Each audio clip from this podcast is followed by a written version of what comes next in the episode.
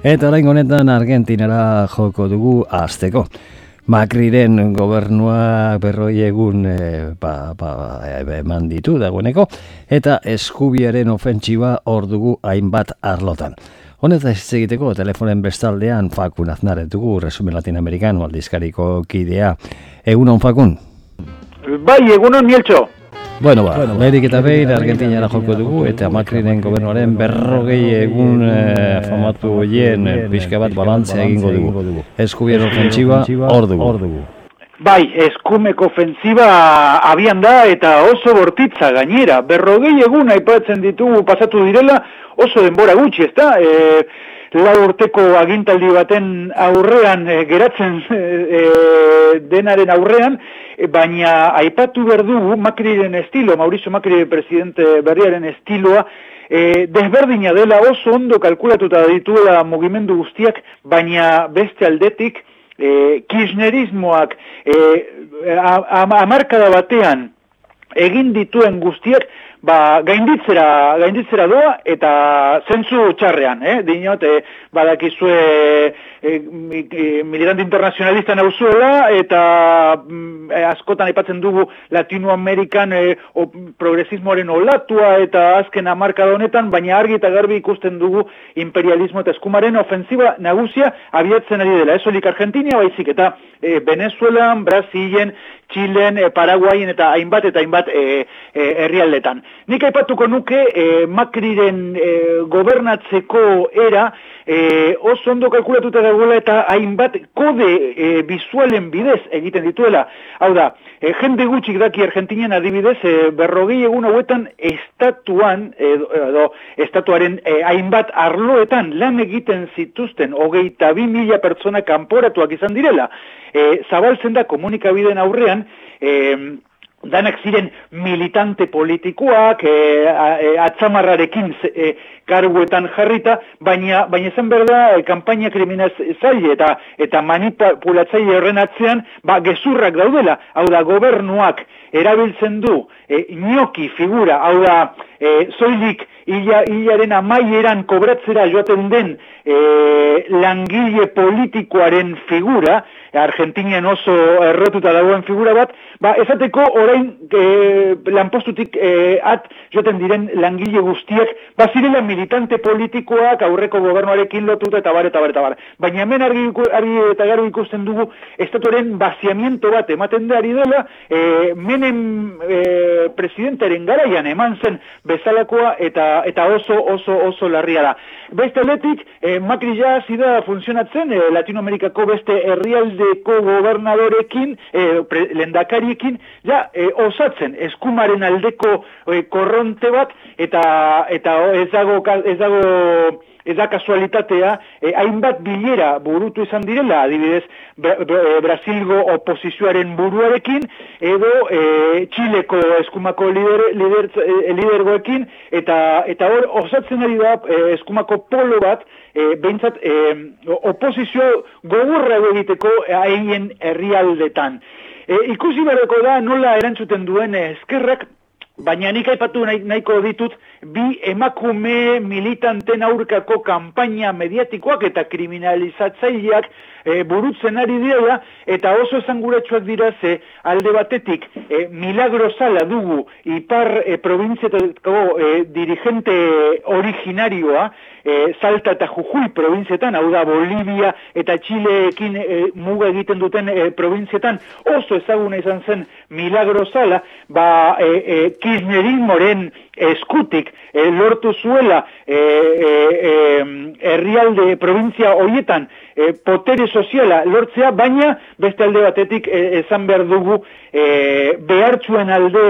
egindako lana oso garrantzitsua izan dela eta hori da korporazioak edo bertako e, jauntxoek barkatzen ez e, diotena. Beraz, e, milagro zala e, militantea atxilotu egin du Gerardo Morales e, gobernadorea, e, Jujuy provintziako gobernadoreak eta eta naiz eta komunikabidetan aipatzen dela ustelkeriaren kasuak bere inguruan asko handitu egin direla hori izaten da e, gizartean txerdatu nahi duen e, kontzeptua. Gobernuak txerdatu nahi duenak milagro zala e, kriminalizatzeko hau da ustelkeria baina beste aldetik esan behar dugu bera atxilotu zuten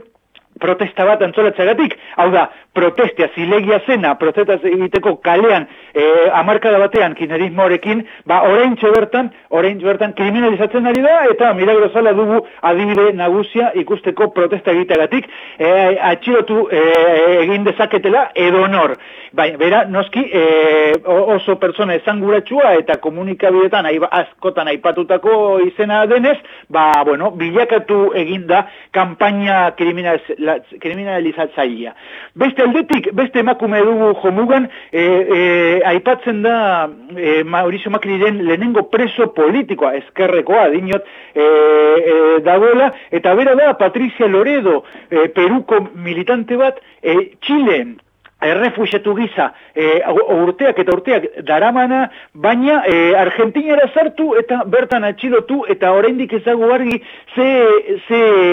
ze e, espetxe edo atxilotze agi, e, aginterekin atxilotu zutena, baina e, ezaizako e, gartzelan orain ematen ditu egunak e, pa, e, Patrice Loredo eta eta ipatu berda ba, Fujime, Fujimori hau da Peruko presidente hori ustelduak e, abiatutako e, lege kriminalizatzaileen e, menpean ba, e, bera errefusiatu zen Chile, Chilean eskerreko mugimenduarekin harremanak zituela eta eta bapatean Argentinara Argentinara sartu orain arte egiten zuen bezala eta atxilotu atxilotu egin dute. E, ikusi, ikusi berda, baina kampaina nahiko eh, potente antolatzen ari da, nazio batuen eh, erakundeen e, alto komisionado e,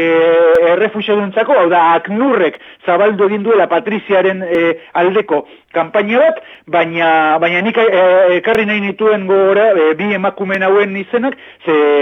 Ze, alde batetik ikusten dugu Macriren gobernatzeko modu modernoa eta eta oso bizuela e, eta beste aldetik e, emakume hauek pairatzen duten kriminalizazio kanpaina. Eta Macriren bakrirekin bukatzeko zoilik irudi bat, e, entxuleako katu dezan zenolako gobernua. E, ba, ezagutzen dugu Obamaren estiloa, e, ezagutzen dugu Europako lidergoen estiloa, baina e, Macrirena oso, oso kalkulatuta dagoena bizuela,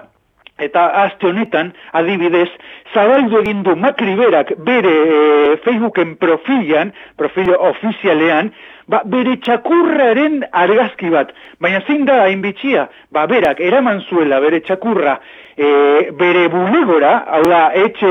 etxe larrozan, gobernu etxera, eta bere zillon presidenzialan, hau da, presidentze guztiak ezeri diren lekuetan, ezeri egin du bere txakurra, eskuak mai gainean jarrita eta argazki bat atera dio. Esan ez, gaur e, bere txakurrak, bere e, izenarekin, ez dut gogoratzen bere izena konkretuki, ba, bere txakurra ezagutu egin duela bere lanpostua, eta pozik jardun duela e, minutu batzuk. Noski, horrek e, sortu zuen e, zare sozialetan eta eta komunikabidetan e, polemika asko e, esanez, bueno, hain garrantzitsua eta hain sensible eta hain simbolikoa den leku batean, nola desitxuratzen de, diren e, gauzak oso azkar eta hori da hain zuzen ere makriren estiloa. Beraz ikusteke dago, baina ber, esan dudan bezala, berrogei egunez, e, estatu, e, estatu mailan hogei bi, bi mila e, e, kaleratzea emean direla, errepresioa bortitza kaleetan eta gaine gainera e, ridikulorako egiteko e, hainbat irudia eman duen Makriren gobernuak. Bestaldetik eta bukatzeko fakun Bolibian hilaren hogeita batean, ostegunean, erreferenduma egingo dute, konta eguzu? Bai, erreferendu, e, konstituzioa aldatzeko erreferenduma e, e, abian e, egiteko e, hautezkunde edo, edo e, e, galdera, galdeketa izango izango da, eta eta hemen, e, bueno, e, jokua, jomugan dagoena da, Evo Moralesen e, presidentaren beste mandato bat, eta ikusten ditugun ditugun e, enkesten arabera e, Evo Morales e, Boliviako presidenteak baduela nahiko konsenso eta nahiko apoioa e, herrietarren e, aldetik eta eta hemen e, galdetuko dena izango da hain zuzen ere bai lendakari eta lendakari ordea e, konstituzioa e, eraberritu zenetik, hau da, e, moldatu, be, moldatu zenetik, hau da, 2000 eta bederatzi garren urtetik, aurrera, ba, presidentak bi mandatu jarraian egin aldituen. E, noski, e, Evo Morales zentzako, litzateke laugarren mandatua, baina erdian konstituzioa e, e, modifikatu zenetik, ba, ba, honek baliotuko, e, bideratuko luke e, 2000 eta meretzi garren urtean, hau da, aurtengo mandatu bukatuko duenean, ba beste mandatura baterako e, aurkesteko aukera izatea. Ez Morales bakarri baizik eta García Linera lendakari ordea ere bai formula beran sartuko litzateke, naiz eta oraindik izenak ez, ez dira inaipatu, baina baina hemen e, e, justiziako tribunal supremoak e, e,